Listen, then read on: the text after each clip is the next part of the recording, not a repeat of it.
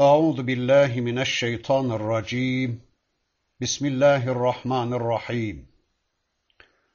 الحمد لله رب العالمين والصلاة وأتم التسليم على سيدنا محمد المبعوث رحمة للعالمين. اللهم لا سهل إلا ما جعلته سهلا وأنت تجعل الحزن إذا شئت سهلا.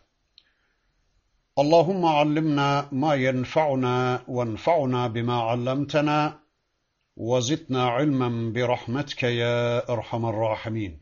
أما بعد.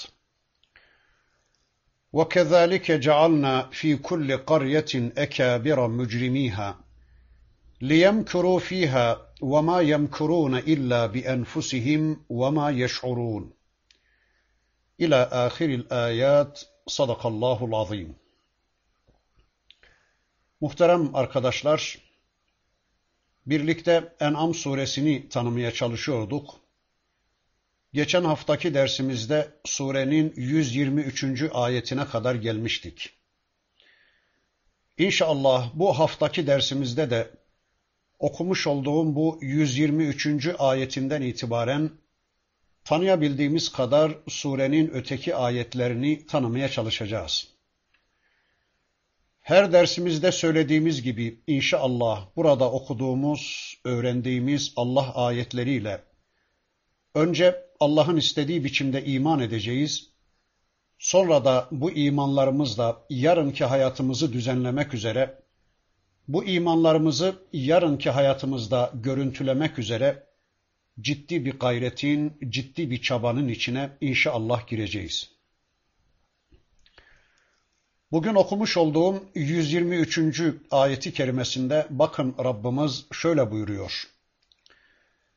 İşte böylece her kasabanın bir takım ileri gelenlerini orada hile yapan suçlular kıldık. وَمَا يَمْكُرُونَ اِلَّا بِاَنْفُسِهِمْ وَمَا يَشْعُرُونَ Oysa onlar yalnız kendilerine hile yaparlar ama bu işin farkına da varamazlar. Evet, bu ayetinde de Rabbimiz buyuruyor ki, işte böylece biz her bir kariye, her bir kasaba, her bir şehir, her bir kent için o şehrin mücrimlerini yarattık. Her bir şehre mücrimlerin büyüklerini egemen kıldık her memleketin ekabirlerini mücrimlerden kıldık. Her bir beldenin ileri gelenlerini zulmedenlerden kıldık. Orada hile yapıp dümenlerle kirli işler çevirsinler diye.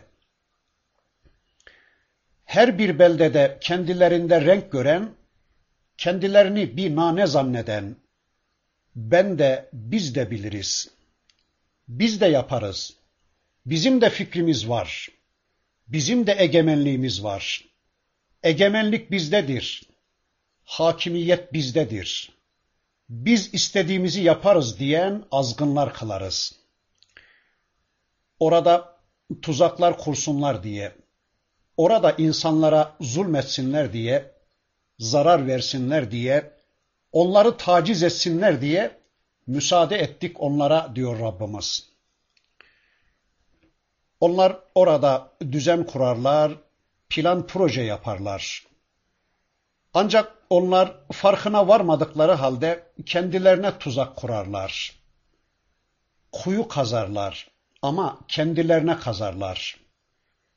Arkadaşlar sanki Allah bu tür insanlara diyor ki haydi buyurun istediğiniz plan ve projeyi yapın. Nasıl isterseniz öylece yapın. Size imkan ve fırsat veriyorum. Ama onlar bu yapıp ettikleriyle ancak kendilerine ederler. Kendi aleyhlerine hareket ederler.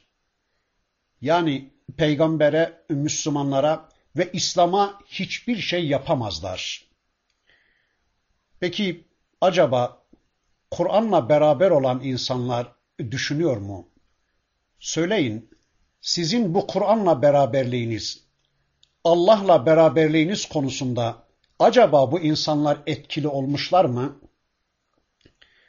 Yani acaba bu adamlar böyle plan program yaptılar da onun için mi Müslümanlar Allah ve peygamberden uzaklaştılar? Kimileri hep böyle yorumlayarak ucuzluğa gitseler de ben böyle olduğunu zannetmiyorum. Zaten eğer ben Müslümanım diyenler Müslümanlığın temel kitabı olan Kur'an'la beraberliklerini bırakmışlarsa bu benim anladığım şeytan ve dostlarının plan ve projelerinden kaynaklanmıyor. Çünkü bakın işte Rabbimiz öyle diyor. Onlar ancak kendi kendilerine plan ve projeler kurabilirler. Ancak kendi kendilerini batırırlar. Ancak kendi kendilerini saptırırlar. Ama Kur'an'la beraber olanlara karşı yapabilecekleri hiçbir şeyleri yoktur bu adamların. Yani Allah'ın kitabıyla birlikte olmak isteyenlere ne şeytanlar, ne azgınlar, ne büyükler, ne küçükler hiçbir zarar veremeyeceklerdir. Garip değil mi? Bugün tüm köylerde, tüm kasabalarda, tüm şehirlerde, tüm yerleşim birimlerinde bu tür mücrimleri görürsünüz. Demek ki bunları egemen konuma getiren, onlara bu imkanı veren de yine Allah'tır. Onların suçluluklarını, onların tüm zulüm ve yolsuzluklarını onaylayan da Allah'tır. Allah bunlara dokunmuyor ki böylece bu mücrimler diğer insanlar için bir imtihan konusu, bir denenme vesilesi olsunlar. Arkadaşlar, böylece anlıyoruz ki hem bu mücrimler hem de onların zulümlerine maruz kalan diğer insanlar imtihan edilmektedirler. Ama ayetin ifadesiyle söyleyelim, hem bu Allah'ın kendilerine imkan verip güçlü konuma getirdiği mücrimler, hem de onların zulümlerini sineye çekmiş, onların zulümlerini bertaraf etmeyi akıllarının ucundan bile geçiremeyecek kadar onlara boyun bükmüş zavallı insanlar, her iki taraf da kendi kuyularını kazıyorlar. Her iki taraf da kendilerine yazık ediyorlar. Her iki taraf da kendilerine zarar veriyorlar, zulmediyorlar. Yani her iki taraf da sonunda kendilerine ediyorlar ama bunu bilmiyorlar. Bunun farkında değiller. Zulmeden zalimler de zalimlerin zulümlerine boyun büküp bunu sineye çeken mazlumlar da kendi kendilerine zulmediyorlar, kendi kendilerine yazık ediyorlar. Ama şuurları da olmadığı için bunu anlayamıyorlar, bunu bilemiyorlar diyor Rabbimiz. Öyle değil mi? Yani bir memleket insanı Allah'tan, Allah'ın kitabından, Allah'ın elçisinden ve Allah'ın kendileri için gönderdiği hayat programından uzaklaşarak zalim durumuna gelirlerse elbette Cenab-ı Hak zulme hak kazanan bu insanlar için bu zalimleri görevlendiriverir. Bu zalimleri onlara musallat kılıverir. Düşünün ki filan adam Konya'da insanlara zulmediyor. İnsanların haklarını gasp ediyor. Nefes aldırmıyor insanlara. Yoldan geçirtmiyor. Peki nedenmiş bu? Neden var o adamlar? Neden zulmediyor bu adamlar bu insanlara? Arkadaşlar zira bu insanlar onları büyük görüyorlar da ondan. Onları takmayı verseler, onları saymayı verseler, onları adam yerine koymayı verseler, onların üzerinde en küçük bir tasallutları olmayacak. Ama berikiler onları adam yerine koydukları için hatta adam yerine koymaktan da öte onları yasa koyucu tanrılar bilip Allah'ı ikinci plana attıkları için Allah da onları bunlara musallat etmektedir. Hani Resulullah'a ait olduğunu söyledikleri bir hadis vardı. Zalim Allah'ın kılıcıdır. Allah onun vasıtasıyla kullarından intikam alır. Ama sonunda iş kılıcın Yani zalimin kendisine gelir ve bizzat Allah da ondan intikam alır. Arkadaşlar, bilhassa şirk sistemlerinde, şirk ülkelerinde Allah'ın hakimiyetini reddedip, Allah'ın kanunlarını reddedip, Allah'tan başkalarının kanunlarını yasallaştıran ve bu tanrılara kulluk etmeye çalışan tüm demokratik ülkelerde onların büyüklerini mücrimlerden kılıyor Rabbimiz. Allah'ı hayatlarından kovmaya çalışan bu ülke insanlarının başına bu tür zalimleri musallat ediyor Allah. Şirk toplumlarının vazgeçilmez özelliğidir bu. Allah'ın hakim olmadığı devletlerin en üst kademelerinde bu tür mücrimler vardır. Hep zalim insanlardır onların reisleri. Çalan, çırpan, soyan, sömüren, zulmeden insan tipleridir onların tepelerindekiler. Ama hem bu adamlar hem de bu tür insanlara egemenlik hakkı tanıyarak onları tanrılaştıranlar, zavallı insanlar kendi kendilerine tuzak kurmaktadırlar. İşte zalim bir Ad kavmi, işte zalim bir Semut, işte Eykeliler ve işte Nuh kavmi. Ve bu zalimlerin karşılarında hep ezilen bir Müslümanlar topluluğu. Sonunda bakın görün ki bu zalimlerin hepsi kahrolup gitmişler ve geride bir avuç Müslüman ve peygamberler kalmıştır. Allah onların topunu helak etmiş, peygamberleri ve onların beraberindeki Müslümanları onlara karşı galip getirmiştir. Bakın bu mücrimler ve de bu mücrimlerin gönüllü kulları ne derlermiş? وَإِذَا جَاءَتْهُمْ آيَةٌ قَالُوا لَنْ نُؤْمِنَ حَتَّى نُؤْتَى مِثْلَ مَا أُوتِيَ رُسُلُ اللّٰهِ الله أعلم حيث يجعل رسالته سيصيب الذين أجرموا صغار عند الله وعذاب شديد بما كانوا يمكرون Onlara bir ayet geldiği zaman Allah'ın peygamberlerine verilen bize de verilmedikçe asla inanmayız derler. Allah peygamberliğini vereceği kimseyi daha iyi bilir. Suç işleyenlere, günahkarlara Allah katından bir aşağılık ve hilelerinden ötürü de şiddetli bir azap erişecektir. Evet, bakın bu suçlular, bu günahkarlar kendilerine bir ayet geldiği zaman, kendilerine ayetler geldiği zaman, Allah'ın elçileri kendilerine Allah'ın ayetlerini getirip duyurdukları zaman derler ki bu adaletsizliktir. Olmaz böyle şey. Allah peygambere ne göndermişse bize de aynısını göndermek zorundadır. Peygamberlerine gönderdiklerinden bize de göndermedikçe biz asla ona inanmayacağız.'' Peygambere ne gönderdiyse, vahiy mi geliyordu onlara, bize de gelmedikçe, melek mi iniyordu onlara, bize de inmedikçe, Allah'la mı konuşuyorlardı o peygamberler, biz de onunla konuşmadıkça, kitap mı okuyorlardı onlar, biz de aynısını okumadıkça, kesinlikle ona inanmayacağız diyorlardı. Yani hakka inanmama konusunda kendilerine bir haklılık payesi çıkarmak istiyorlardı. Madem ki Allah'ın elçilerine gelenler bize gelmedi, madem ki Allah elçilerini bizden ayırmıştır, o halde varsın o elçiler inansın ona. Biz de ona iman etmemekte haklıyız demeye çalışıyorlardı. Allah'a, Allah'ın elçilerine Allah'ın kitaplarına inanmayışlarına kılıflar bulmaya çalışıyordu hainler. Güya böylece kendilerini sorumluluktan kurtarmaya çalışıyorlardı. E ne yapalım? Allah'ın elçilerine gelenler bize de gelseydi biz de inanırdık, biz de iman ederdik diyorlar. Halbuki ne fark edecek de ha kendilerine gelmiş vahiy ha da kendi işlerinden birisine gelmiş. Ne fark eder?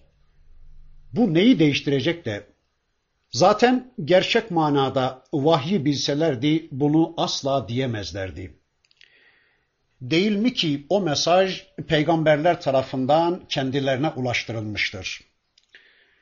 Allahu Teala yeryüzünde herkesi peygamber seçecek ve herkese ayrı ayrı vahiy gönderecek değildi ya. İnsanlardan birisini bu konuda odak nokta seçip onların tamamının hayatına karışmak üzere vahyini ulaştırmıştır Rabbimiz.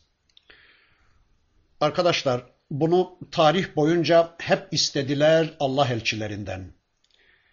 Her dönem toplumu peygamberlerinden istediler bunu. Ama bakıyoruz günümüz insanları bunu istemekle beraber farklı şeyler de istiyorlar. Eh o bir peygamberdi ve elbette öyle yapmak zorundaydı. Biz peygamber miyiz ki bunları bunları yapalım? Biz peygamber miyiz ki ümmet kayıralım? Biz peygamber miyiz ki namaz kılalım? Biz peygamber miyiz ki bu şekilde giyinelim? Biz peygamber miyiz ki sürekli kitapla beraber olalım? Efendim elbette o peygamberdi. Elbette onlar sahabeydi. Biz sahabe miyiz ki onlar gibi olalım? Efendim elbette o İmam Ebu Hanife'ydi. Elbette o İmam Şafii'ydi. Biz nasıl onlar gibi olabiliriz? Onlar Osmanlıydı. Onlar Selçukluydu. Veya işte efendim biz hafız değiliz ki, biz İmam Hatip mezunu, biz ilahiyat mezunu değiliz ki, biz din dersi öğretmeni değiliz ki vesaire vesaire. Evet diyorlar ki onlar peygamberdi, biz peygamber değiliz. Peygamberlik bekliyorlar beyefendiler. Kendilerinin de peygamber olmalarını, kendilerine de vahiy gönderilmesini bekliyorlar. Öyle olursa biz de inanacağız diyorlar. Ama kesinlikle biliyoruz ki dertleri iman değil bu itirazda bulunanların. Dertleri kendilerini iman sorumluluğundan kurtarabilmek için mugalata yapıyorlar alçaklar. Arkadaşlar bunu diyen insanlara şunu sormak lazım. Peki acaba Allah'ın kendilerini elçi seçip vahiy gönderdiği peygamberler kendilerine gelen bu vahiyler konusunda sizden farklı mıdırlar? Yani bu peygamberlerin sizden farklı bir yönleri var mı bu konuda? Acaba bu peygamberler kendilerine ayet gelmiş diye, kendilerine vahiy gelmiş diye torpilli olarak bu ayetleri yaşamadan, bu vahye teslim olmadan sorgusuz sualsiz direkt cennete mi gidecekler? Siz peygambersiniz. Siz bunlardan sorumlu değilsiniz.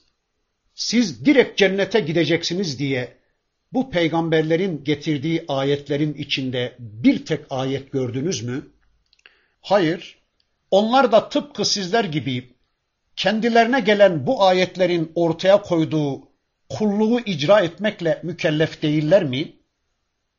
Yani sizler tarih boyunca Allah'ın göndermiş olduğu bu peygamberlerden hiçbirisinin diğer insanlardan farklı bir hayat yaşadığını gördünüz mü?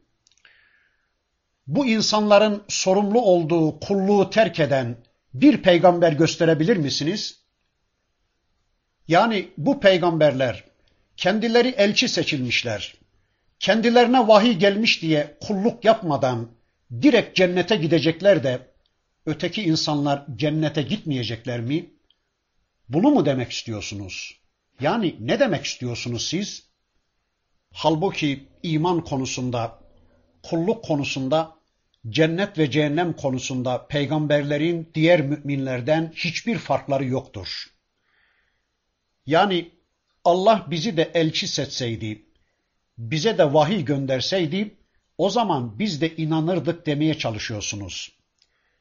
Halbuki siz de biliyor ve kabul ediyorsunuz ki Allah'ın peygamberleri hepimizden çok Allah'a kulluk yaptılar.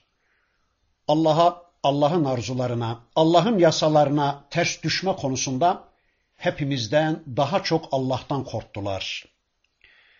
Yeryüzünde en tavizsiz, en halis, en ciddi bir hayatı ve kulluğu ilk önce onlar ortaya koydular. En güzel biçimde yeryüzünde kulluk örneğini onlar sergileyip bize gösterdiler. Tüm toplumları, tüm çevreleri getirdikleri vahiden vazgeçseler bile, yan çizseler bile onlar yeryüzünde asla Rablerine kulluktan ve Rablerinin emirlerini yerine getirmekten vazgeçmediler. Toplumlarının yalanlamalarına, çevrelerinin alaylarına, akrabalarının dışlamalarına kahramanca göğüs gerdiler. Onlar böyle yaşadılar. Söyleyin bakalım şimdi, peygamberlik bekleyen sizler, bunların milyonda birine katlanabilecek misiniz? Böyle bir kulluk yapmaya hazır mısınız? Allah için bunu bir daha gözden geçirin. Evet, onlar böyle yaşadılar. Eğer bizler de onların sarıldıkları kitaba, onların uyguladıkları mesaja, onların gerçekleştirdikleri kulluğa yönelir ve tıpkı onlar gibi Rabbimizin istediği bir hayatı yaşamaya çalışırsak, kesinlikle bilelim ki biz de onların ulaştıkları makamlara ulaşacak, onların gittikleri cennetlere gideceğiz demektir. Ve hiçbirimizin niye onlara vahiy geliyor da bize gelmiyor diye kendimizi sorumluluktan kurtarmaya hakkımız da yoktur. Arkadaşlar bakın böyle diyenlere Rabbimiz buyurur ki Rabbimiz bu risaletini, peygamberliğini kime vereceğini, bu nimetini kime lütfedeceğini en iyi bilendir. Hangi peygambere ne tür ayetler göndereceğini de elbette en iyi bilendir Allah. Hiç kimsenin ne bu konuda ne de diğer konularda Allah'a akıl vermeye, ona yol göstermeye hakkı da yetkisi de yoktur. Şunu da unutmayalım ki bu şekilde Allah'a kafa tutan, Allah elçilerine karşı gelen, Allah'ın takdirini ve yasalarını beğenmeyen kimselere bu hilelerinden ve kirli işlerinden dolayı, bu küstahça karıştırdıkları haltlarından dolayı, bu dalaverelerle insanları Allah yolundan uzaklaştırdıkları ve saptırdıklarından dolayı alçaklık gelecektir. Bunlar yeryüzünde alçaklığın mahkumu olacaklar. Allah gururlarını kıracak ve alçaldıkça alçalacaklar alçaklar. Ama tabi bütün bunlar kendi yapıp ettiklerinden kaynaklanıyor. Terbiyesiz herifler, peygambere gelen bize de gelmeli diyorlar. Ya da bizim istediğimiz cinsten ayetler gelmeli diyorlar. Daha önceki peygamberlere gönderilen özel mucizeler gelmeli. Musa Aleyhisselam'ın elindeki taştan su çıkaran, isteyince yılan olan, vurunca denizi yaran asa, Salih Aleyhisselam'ın devesi bize de gelmedikçe biz asla iman etmeyeceğiz diyorlar. Bir de tamam inanalım ama o peygambere verilenler bize de verilsin diyorlar. Yani bu mesaj bizim de olsun. Allah neden bir tek ona gönderiyor? Bize de bir peygamberlik versin, bize de kitap versin diyorlar. Peygamber olma sevdasına kapılıyor hainler. Arkadaşlar bakın, insanların bu mantıkla imandan yüz çevirdiklerini Rabbimiz bize Müddessir suresinde de şöylece anlatıyordu. Bel yuridu kullu mri'in minhum en yu'ta suhufen muneşşara. Hayır hayır her biri önüne açılı vermiş sahifeler verilmesini isterler. Evet isterler ki her birerine verilmiş özel kitapları olsun. Yani herkes peygamber olsun. Hayır hayır bunların derdi her birerinin önüne açılmış sahifeleri, kitapları olsun isterler. Hepsinin kendilerine mahsus kitapları olsun isterler. Yani bunlar hepsi peygamber olsun isterler. Hepsine ayrı ayrı birer kitap verilsin, hepsinin kendilerine mahsus kitapları olsun isterler. Yani hepsi kendilerinin özel kitapları olsun ve hepsi de kendi kitaplarına bakarak Allah'ın istediği budur. Allah'ın muradı budur. Benim kitapta böyle deniyor. Ben bunu kitabımdan böyle anladım demek isterler. Dolayısıyla benim anlayışım doğrudur. Benim düşüncem, benim metodum, benim dinim, benim yaşadığım hayat doğrudur. Kesin doğrudur diyecekler ve hiç kimseye bağımlı olmayacaklar. Yani peygamber bu ayeti nasıl anlamış? Sahabi nasıl anlamış? Bu hiç önemli değil. Önemli olan kendi kitaplarından kendi anladıkları olsun isterler. Yani Allah'ın istediklerini kendi istedikleri gibi yorumlayacaklar ve keyiflerine göre bir din yaşayacaklar. Adamların dertleri bu. Galiba peygamberi ve onun sünnetini diskalifiye etmeye çalışanların çabası da bu gibi görünüyor değil mi? Yani Kur'an'ı peygamberin kitabı, peygambere gelen kitap, peygamberin anlayıp yaşadığı, peygamberin anlayıp uyguladığı, örneklediği bir kitap olmaktan çıkarıp onu kendilerince anlamak istiyorlar. Çünkü Kur'an'ı peygamberin kitabı, peygamberin anlayıp yorumladığı kitap olarak kabul edip peygambere bağımlı anlamaya çalıştıkları zaman düşüncelerine, anlayışlarına peygamberi bir sınır gelecektir. Kitabı peygamberin anladığı gibi anlamak, peygamberin uyguladığı gibi pratikte uygulamak zorunda kalacaklar. O zaman hayatlarına yasaklar gelecek, onun anlayışının dışına çıkamayacaklar ve daha bir Müslümanca yaşamak zorunda kalacaklar.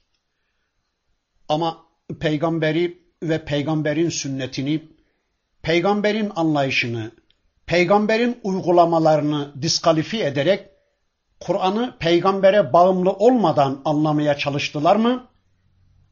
Kendi istedikleri gibi ayetleri yorumlama imkanları olacak. Kendi arzularına göre onu yorumlama imkanı bulmuş olacaklar.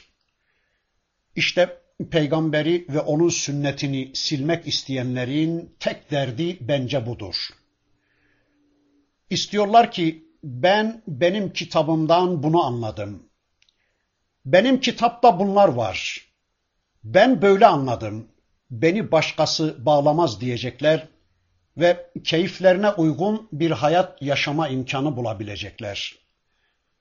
Ama bakın surede Müddessir suresinde bu ayetin hemen arkasından deniyor ki hayır hayır öyle değil.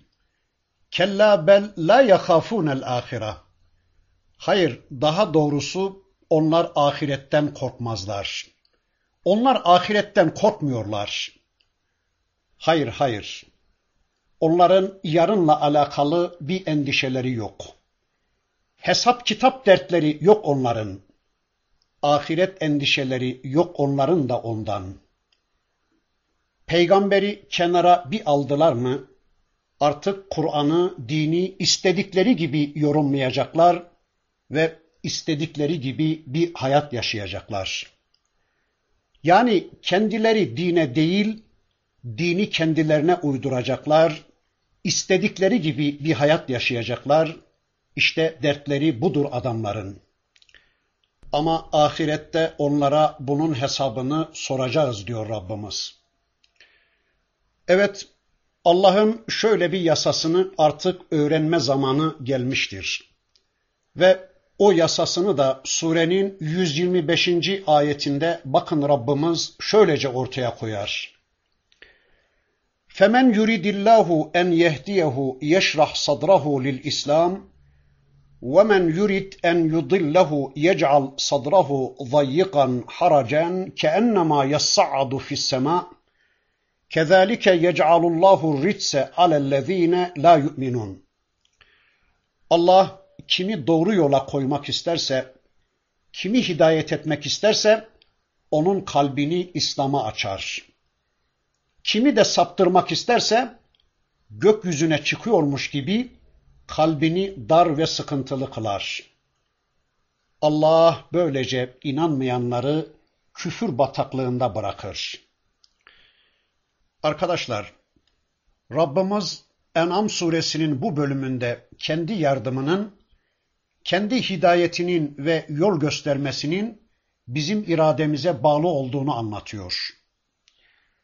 Allah kimi hidayet etmek isterse, yani kim hür iradesiyle hidayeti talep eder de, Allah da onu hidayette devamlı kılmak isterse, onun göksünü, onun kalbini İslam'a genişletir. Onun sadrını İslam'a açı verir. Dikkat ederseniz bu ayeti kerimesinde Rabbimiz hidayet ve dalaletin kanununu, iman ve küfrün yasasını anlatır. Elbette ki bunun ikisi de Allah'a aittir. Yani hidayet de, dalalet de, iman da, küfür de Rabbimize aittir. Peki o zaman burada hatırımıza bir soru geliyor. Madem ki hidayet de, dalalet de Allah'a aittir, o halde biz niye hep hidayet istiyoruz Allah'tan? Çünkü arkadaşlar, kimin hidayette, kimin de dalalette kalıcı olduğu belli olmadığı için biz sürekli Rabbimizden bunu istemek zorundayız. Yani bugün hidayette olsak bile yarın bu durumu koruyup koruyamayacağımız belli olmadığı için bunu sürekli Rabbimizden istemek zorundayız. Rabbimiz bizi yaratmış ve bizim karşımıza iki yol çıkarmış. Birisi küfür yolu, ötekisi de iman yolu. Birisi hidayet, ötekisi de dalalet. İnsanların önünde bu yolların ikisi de açıktır. İradelerinde serbest bırakılan tüm insanlar iman ya da küfür, hak ya da batıl, hidayet ya da dalalet bu ikisinden birini seçebilme özelliğinde yaratılmışlardır. İnsanı ahseni takvim üzere yaratan Rabbimiz bu insana aynı zamanda bu ahseni takvim üzere kalmasının devamlı olmadığını esfeli safiline de yuvarlanabileceğini vurgular kitabında. Arkadaşlar bu durum kişinin kendi hür iradesine bırakılmıştır.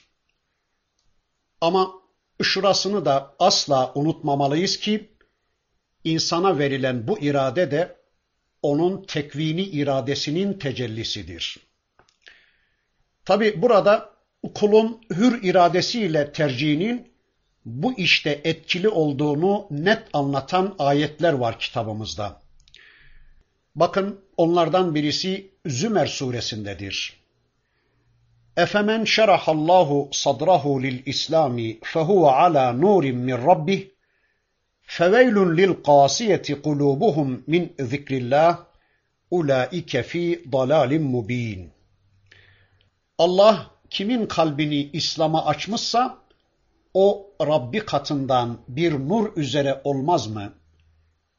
Kalpleri Allah'ı anmak hususunda katılaşmış olanlara yazıklar olsun. İşte bunlar apaçık sapıklıktadırlar.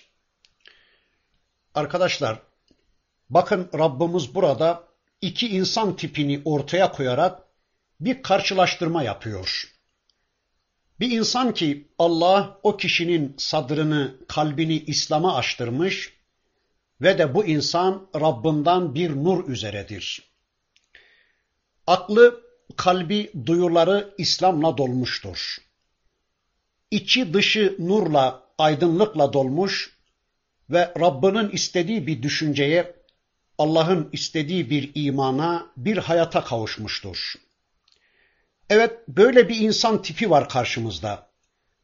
Allah'a yönelmiş, Allah'ın diniyle hoşnut olmuş, Allah'ın dininden razı olmuş bir insan tipi. Gönlünde büyük bir ferahlık, büyük bir zevk var. Sadrı İslam'a açılmış. Eline de nur olan bir kitap almış. Nur olan kitaba kanaat getirmiş. Kitaba iman etmiş. kalbi onu benimsemiş, bu nurla duyuyor, bu nurla düşünüyor, bu nurla yürüyor, bu nurla hareket ediyor. İnsan tiplerinden birisi böyle. Bir ikinci insan tipi daha ortaya koyuyor Rabbimiz. Bu insan da kalbi katılaşmış, İslam'ı görmek, tanımak istememiş. Allah'ın ayetlerine gözlerini, kulaklarını, kalbini kapamış, zikri duymak istememiş. Kalbi Allah'ın ayetlerine karşı kasıldıkça kasılmış. Yani aslında bu adamların kalpleri Allah'ın şu metluv ayetlerini duydukça, Allah'ın meşhut ayetlerini gördükçe değişmek istiyor ama adamlar kalplerini kasıyorlar. Kalplerini katılaştırıyorlar. Yani kalplerinin değişmesine, tavır almasına imkan vermiyorlar. Yani aslında her insanın içinde, kalbinde Allah'a yakın bir bilgi vardır. Ama bu insanlar kendilerinde var olan Allah kendilerine hatırlatıldığı zaman ister istemez kalpleri bundan etkilenip tavır alıyor. İşte Allah'ın ayetlerinin kalplerinde meydana getirdiği tesiri yok etmek için kasılıp geri çekiyorlar, kasıyorlar. Gerçekten bir şeyler anladıkları halde karşı çıkanlara yazıklar olsun. Kalplerindeki bu kasılmayı aslında dışarıdan da, gözlerinden de, burun kıvırmalarından da anlamak, gözlemlemek mümkündür. Demek ki insanın kendi iradesi sonucu göksün İslam'a açılması hidayet, daralması, kapanması, sıkışması da dalaletle birlik ifade ediliyor. Ve yine bir insanın göksünün İslam'a açılması, o insanın bana hidayet ver ya Rabbi diye Allah'a gitmesine, Allah'a müracaat etmesine bağlıdır. Arkadaşlar, bütün Kur'an sanki bunu bize ısrarla anlatır. Çünkü biz adil bir Allah'a iman ediyoruz. Öyleyse arkadaşlar, işi fazla karıştırmadan söyleyeyim. Cenab-ı Hak kimin hidayetini dilerse, yani kim kendisi hakkında kendi hür iradesiyle hidayeti diler, hidayeti tercih eder de Allah da onun hakkında onu yaratmayı murat buyurursa, işte onun sadrını İslam'a açı verir. Öyleyse unutmayalım ki insan önce kendisi dileyecek bunu, Allah da yaratacak. Yani mesela ben kendi hakkımda hür irademle dalaleti dileyeceğim, küfrü tercih edeceğim. Allah da bunun tamamen aksine benim hakkımda hidayet dileyip benim için hidayet yaratacak. Olmaz böyle şey. Veya ben kendi hakkımda hidayet dileyeceğim, onu isteyeceğim. Allah da benim bu isteğimin zıttına benim için dalalet yaratacak. Olmaz bu. Evet, Allah bizim için hidayetten yanadır. Allah bizim için hidayetten razıdır. Dalaletten asla razı değildir ama dünyada imtihan yasası gereği biz ne istersek bizim için Allah onu yaratıyor. Eğer bizi bizden daha çok seven, bizi bizden daha çok düşünen ve bize bizden daha çok merhamet eden olmasaydı Rabbimiz, ona isyan içinde olan biz kullarına tekrar ve tekrar affedip peygamberler göndermezdi. İşte bundan anlıyoruz ki Rabbimiz bizim hidayetimizi, bizim hidayette kalmamızı dilemektedir. Allah imandan razıdır. Allah hidayetten razıdır.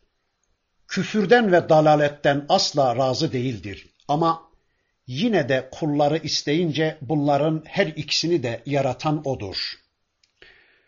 Yani Rabbimiz hidayet isteyenlere hidayet lütfeder de hidayet lütfetmek istediklerinin kalbine İslam'a bir inşirah verir, bir genişlik verir. Arkadaşlar, Bunun peygamber planında düşünülmesi İnşirah suresinin anlaşılmasına bağlıdır. Bakın İnşirah suresinde Allah buyurur ki Elem neşrah leke sadrak ve vada'na anke vizrak ellezî enqaza zahrak Ey peygamberim senin gönlünü açmadık mı? Senin belini büken yükünü üzerinden almadık mı? Arkadaşlar Resulullah Efendimiz'e bir lütuftan söz ediyor bu sure. Ey peygamberim, senin göksüne bir inşirah, gönlüne bir ferahlık, bir açıklık vermedik mi? Senin kemiklerini kıracak bir yükün vardı da onu sırtından alıp indirmedik mi? Seni gündemde tutma gereğini ortaya koymadık mı diye devam eder sure. İşte Resulullah Efendimiz görevinin başında böyle bir nimete nail oldu. Musa aleyhisselam da Medyen'den dönerken, Tur'un eteklerinde giderken gördüğü bir ateşe yöneldi ama Allah orada ona vahyini gönderme ortamı hazırlamıştı. Hidayet etme imkanı hazırlamıştı. Orada Rabbi ile konuşurken dedi ki Musa aleyhisselam, Ya Rabbi benim göksüme genişlik ver ve işimde de kolaylık lütfediver. Sanki isteyen kullarına diyor ki Rabbimiz, kulum sen istedin, al öyleyse buyur deyiveriyor. Artık senin kalbin, kafan, benliğin, aklın, her şeyin İslam'a açılacak. İslam'la iç içe olabilirsin. İslam'ı içine sindirebilirsin. Al istediğin şeyi sana veriyorum veriyor Rabbimiz. Evet, dileyen insanın bizzat kendisidir, yaratan da Allah'tır. Önce Allah mı diliyor, yoksa kul mu diliyor? Bunun münakaşasına gerek duymadan diyelim ki, sanki Allah şartları hazırlıyor ve biz de onu seçiyoruz demek herhalde en güzeli olacaktır. Yani ben Müslüman olmak istiyorum demek Allah'a müracaat etmek demektir. Ben Müslüman oldum demek ben işte o hanedeyim. Beni de sayı ver ya Rabbi demektir. Ama tabii iş ondan sonra başlar. Eğer ciddiyse bunu söyleyen kişi Allah da onun ciddiyetini görüp kabul edeceği sınıftan kabul etmişse o zaman göksü açılır ve İslam yerleşir oraya. Tabi şartları hazırlayanın yine Allah olduğunu unutmamamız gerekiyor. Arkadaşlar, mesela birini on gün aç bırakıyorsunuz. Sonra yemeklerin güzellerinden, çeşitlerinden, lezzetlerinden bahsediyorsunuz onun yanında. Adamın iştahını kabartıyorsunuz Sonra da adamın önüne çok güzel bir sofra koyuyorsunuz. Sonra da adam talep ediyor bu yemeği. İşte benim anladığım bu hidayet meselesi de aynen bunun gibidir. Yani Cenab-ı Hak insanı hidayete muhtaç yaratıyor, hidayete meyilli yaratıyor, onun mayasına hidayeti koyuyor, onun mayasını hidayetle yoğuruyor Sonra da bu insanın karşısına hidayeti çıkarıyor ve insan da talep ediyor, istiyor onu. Zira Cenab-ı Hak herkes için istiyor bunu. Ama bazıları istemez. Bazıları hidayetten yana kullanmaz oyunu. İşte Allah hidayeti sadece bu istemeyenler için dilemez. Onu isteyip talep edenler için diyor ki bakın Rabbimiz biz onun göksünü İslam'a, hidayete açarız. Biz iyi bir Müslüman olmak isteyelim. Biz hidayette olmak ve hidayette kalmak isteyelim. Kesinlikle bilelim ki Allah bizim için onu yaratacak, bizim göksümüzü istediğimiz şeye açacaktır. Bu konuda en ufak bir şüphemiz bile olmasın göksün İslam'a açılması, sadrın İslam'a açılması. Arkadaşlar bakın sahabe-i kiram efendilerimiz sorarlar Allah'ın Resulüne. Ey Allah'ın Resulü acaba göksün İslam'a açılmasının manası ne demektir? Yani nasıl anlayacağız bunu? Hoş bugün doktorlar da açarlar insanların kalplerini. Ne adını açarlar onlar? Elbette tedavi adına açarlar. Tedavi adına, ameliyat adına, incelemek adına ya da çevredeki talebelerine göstermek adına açarlar onlar. Arkadaşlar, sahabenin bu sorusu karşısında bakın Allah'ın Resulü buyurur ki, Allah'ın bir nurudur ki Allah onu oraya koyar. Allah onu oraya koyduktan sonra kul onunla inşirah bulur. Sahabe tekrar sorar. Peki bunun işareti nedir ey Allah'ın Resulü? Yani bizim kalbimizin Rabbimiz tarafından İslam'a açıldığını, oraya Rabbimiz tarafından bir nur konulduğunu nereden anlayacağız? Nasıl anlayacağız? Allah'ın Resulü buyurur ki, bunun alameti odur ki kişi İslam'a yönelir, imana yönelir, Kur'an'a yönelir, sünnete yönelir, cennete ve itaate yönelir, ölüme hazırlığa yönelir. Evet, demek ki kim kendisi için hidayeti diler, hidayeti tercih ederse Allah onun önüne öyle bir ufuk açar ki o kadar rahat bir gönül huzuruna kavuşur ki o kişi İslam'ı çok rahat yaşar. Allah'a çok rahat kulluk yapar.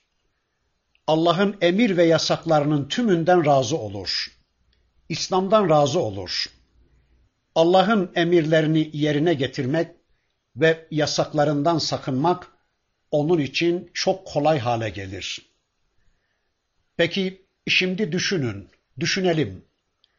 Acaba Rabbimizin size sunduğu En'am, Araf, İsra, Kehf, Enbiya gibi sureleriyle, bu ayetleriyle veya Buhari, Müslim, Tirmizi gibi kitaplarla sunulan peygamber hadisleriyle sizin göksünüz sıkışıyor, daralıyor, zorlanıyor musunuz? Yoksa her bir mesaja ulaştıkça daha bir rahat ve huzur içinde mi oluyorsunuz?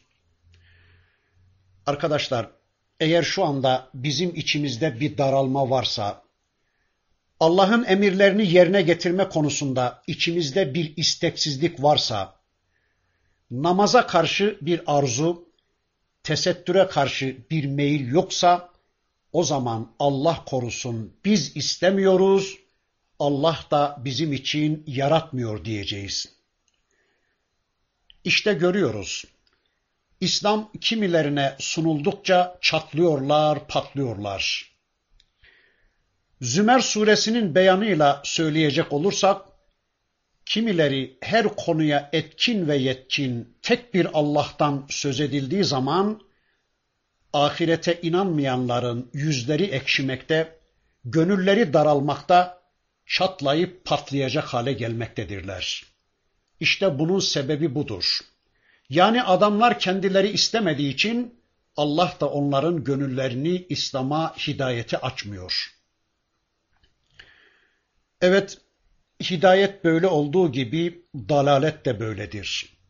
Bakın ayetin devamında diyor ki Rabbimiz, وَمَنْ يُرِدْ اَنْ يُضِلَّهُ يَجْعَلْ صَدْرَهُ طَيِّقًا حَرَجًا كَأَنَّمَا يَصَّعَّدُ فِي السَّمَاءِ Allah kimi de saptırmak, dalalette bırakmak isterse, yani adam kendisi dalaleti tercih eder, Allah da onu dalalette bırakmak isterse, birinci insanın zıttına onun göksünü o kadar daraltır ki, o kadar sıkıntılara sokar ki onu, sanki gökyüzüne yükseliyormuş gibi içinde büyük bir darlık hisseder. Evet, sapıtmak isteyen, saptırmak isteyen kimselerin kalplerinde de öyle bir darlık, öyle bir huzursuzluk yaratır ki Allah, sanki bir ağaca değil, dağa değil de gökyüzüne tırmanıyormuşçasına Adam içinde sıkıntı ve isteksizlik hisseder. Ya da yücelmek isteyen, yükseklik iddiasında bulunan insanların doymak bilmez bir şekilde yükselmek adına nefes tükettikleri gibidir onun durumu. Hani Araf suresinde böyle tipler anlatılıyordu. Salı verseniz de solurlar, koşsa da solumasını bitirmeyen köpek tabiatlı belamların anlatımına bir daha bakın göreceksiniz bunu. Yani kazansa da soluyan, kaybetse de, harcasa da soluyan, harcamasa da, biriktirse de soluyan, biriktirmese de, dünya planında yüceldikçe yücelmeye çalışan doyumsuz insanların bu uğurda nefes nefese kaldığı gibi bu insan da iç sıkıntılarıyla dünyasını mahveder, dünyasını tükedir gider.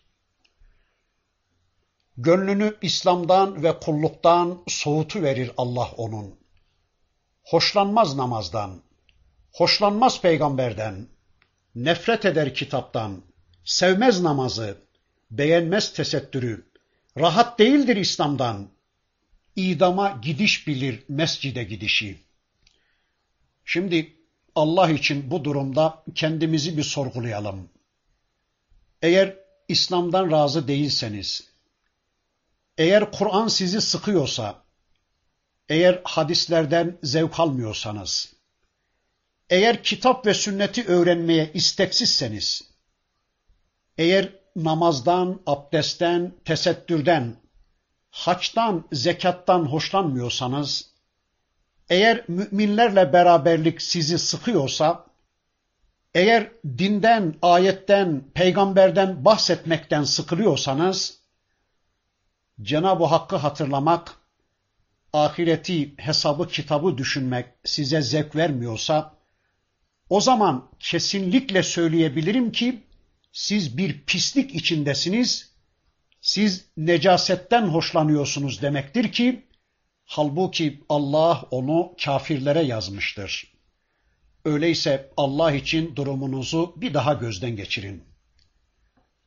Evet, din adına en güzelini, hayat adına en güzelini, hayat programı ve sistem adına en güzelini, hukuk adına en güzelini, eğitim adına en güzelini, kanun adına en güzelini, kazanç adına en güzelini, eşya adına en güzelini, ev tefrişi adına en güzelini Allah'ın ki bilmiyorsanız, Allah'ınkinden hoşlanıp razı olmuyorsanız, bunları insanlardan veya toplumdan almaya, Avrupa'dan, Amerika'dan, İsviçre'den, Fransa'dan almaya çalışıyorsanız, bilesiniz ki siz kesin hidayetten çıkmış, pisliğe batmış insanlarsınız.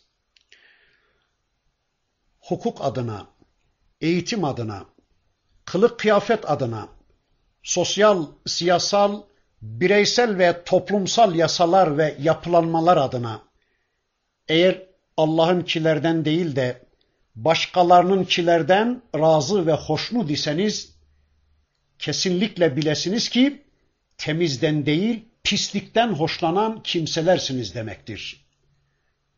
Bir de utanmadan, İslam'dan, Müslümanlıktan söz ederek Müslümanların mukaddes mefhumlarını kirletmeyin. Müslümanlık iddialarınızla Müslümanları kandırmaya çalışmayın. Peki niye böyle oluyor? Neden böyle pislik içindesiniz? Allah öyle diyordu ondan. Kezalike yec'alullahu ritse alellezine la yu'minun. İşte Allah böylece inanmayan kafirlere pisliği yazmıştır. Pislikten hoşlanma ve hayırdan hoşlanmama onların vazgeçilmez özelliğidir. İşte böylece Allah inanmayanları bataklıklar içinde, pislikler içinde bocalar bir vaziyette bırakıveriyor. Allah kötülüğü yazıyor kafirlere. Çünkü onlar hep kötülükten yana olmuşlardır. Çünkü onlar oylarını hep kötülükten yana kullanmışlardır. Çünkü onlar hidayetten nefret edip dalaleti tercih etmişlerdir. Çünkü onlar bunu istemişler.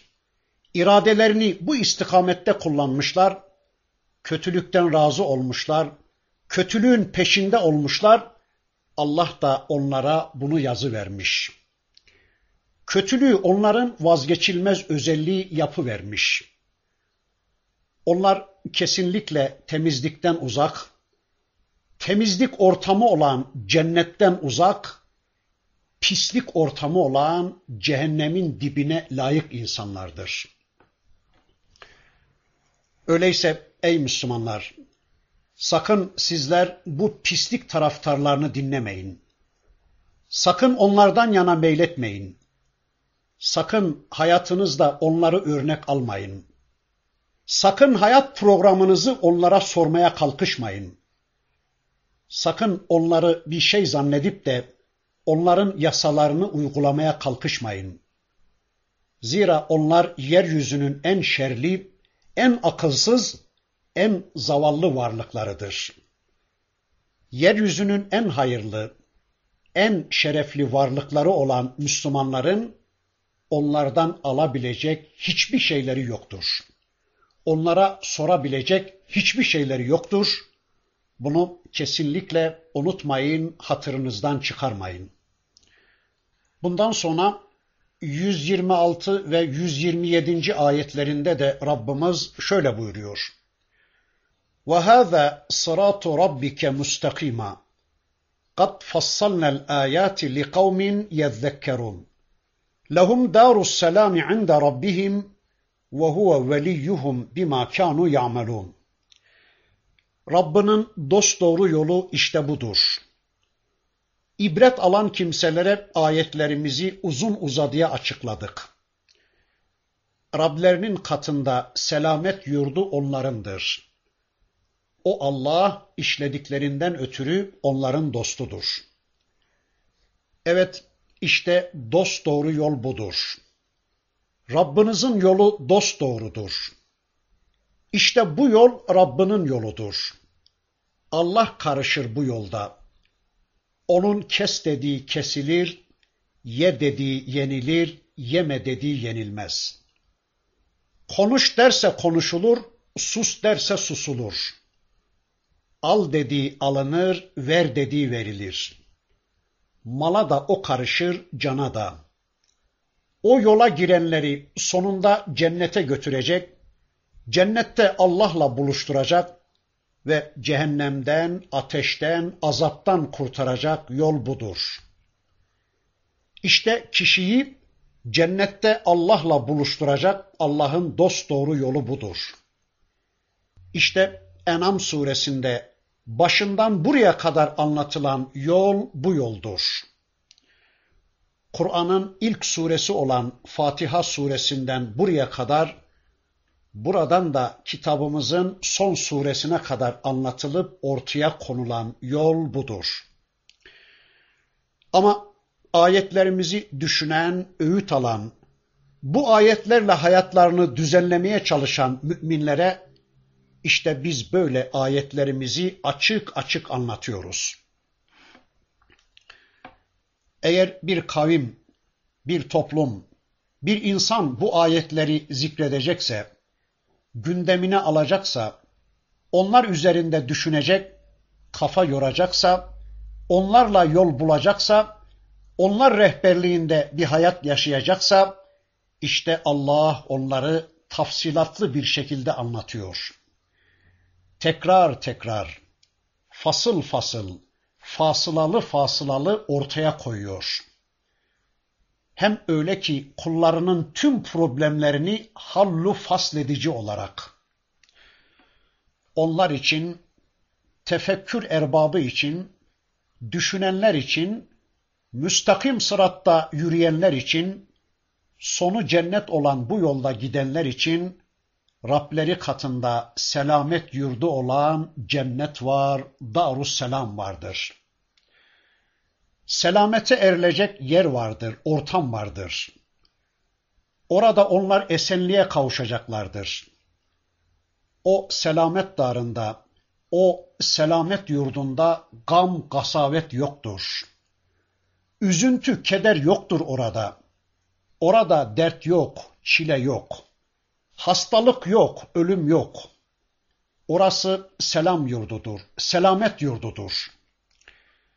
Öyleyse dünyayı cennetleştirmeye çalışanlar ya da cennetliklerini dünyada arama cinnetine kapılanlar Allah için bu ayetler üzerinde bir daha düşünsünler. Dünyada gamsız, kasavetsiz, dertsiz, çilesiz, ölümsüz bir hayat hedefleyenler Allah için bir daha okusunlar bu ayeti. Bakın bir hadiste şöyle bir husus anlatılır. Dünyaya geldiği andan ölümüne kadar hep sıkıntı içinde yaşamış, bir kerecik yüzü gülmemiş bir adam cennete şöyle bir daldırılıp çıkarıldıktan sonra kendisine sorulacakmış. Ey insan, sen daha önce hiç sıkıntı gördün mü? Hiç çile çektin mi? Arkadaşlar, cenneti gören o kişi öncekilerin tümünü unutup diyecekmiş ki, hayır vallahi ben daha önce hiçbir sıkıntı ve keder görmedim. Allahu Ekber. Cennete bir kere daldırılıp çıkarıldı ya, bir saniyelik cennetin o güzelim nimetlerine muttali oldu ya, her şey unutuvermiş, tüm geçmişi silini vermiş. Aynen bunun gibi dünyada hiç sıkıntı çekmemiş, bir eli yağda bir eli balda yaşanmış bir kafir de cehenneme şöyle bir batırılıp çıkarılacak ve kendisine sorulacakmış. Sen hiç dünyada huzur yüzü gördün mü? Adam hayır vallahi ya Rabbi ben dünyada hiç rahat yüzü görmedim diyecekmiş.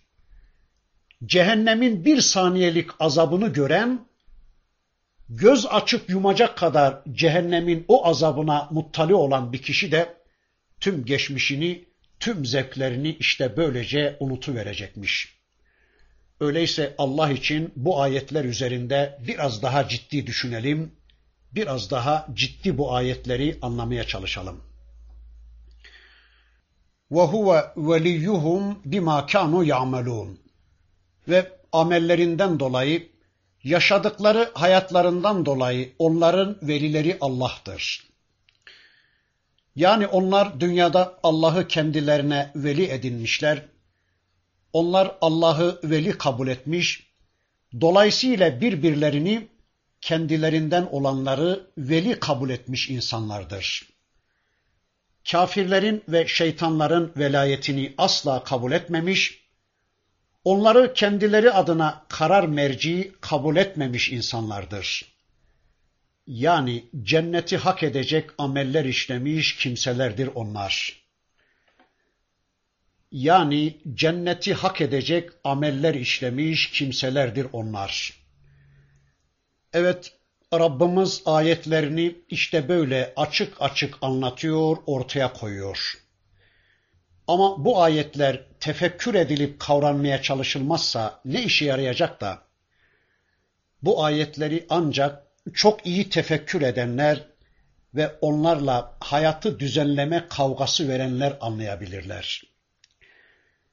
Biz bunlarsız yapamayız. Biz bunlarsız hukuk yapamayız. Biz bunlarsız eğitimin temellerini bilemeyiz. Biz bunlarsız hayatımızı düzenleyemeyiz. Biz bunlarsız kulluk yapamayız. Biz bunlarsız Rabbimizi razı edemeyiz. Biz bunlarsız cennete gidemeyiz derdinde olanlar ancak bu ayetleri anlayabilirler ve bu ayetlerin kıymetini ancak onlar bilebilirler.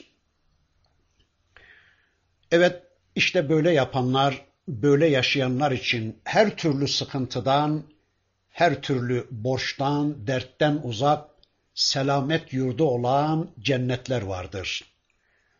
Allah bu müminlerin velisidir.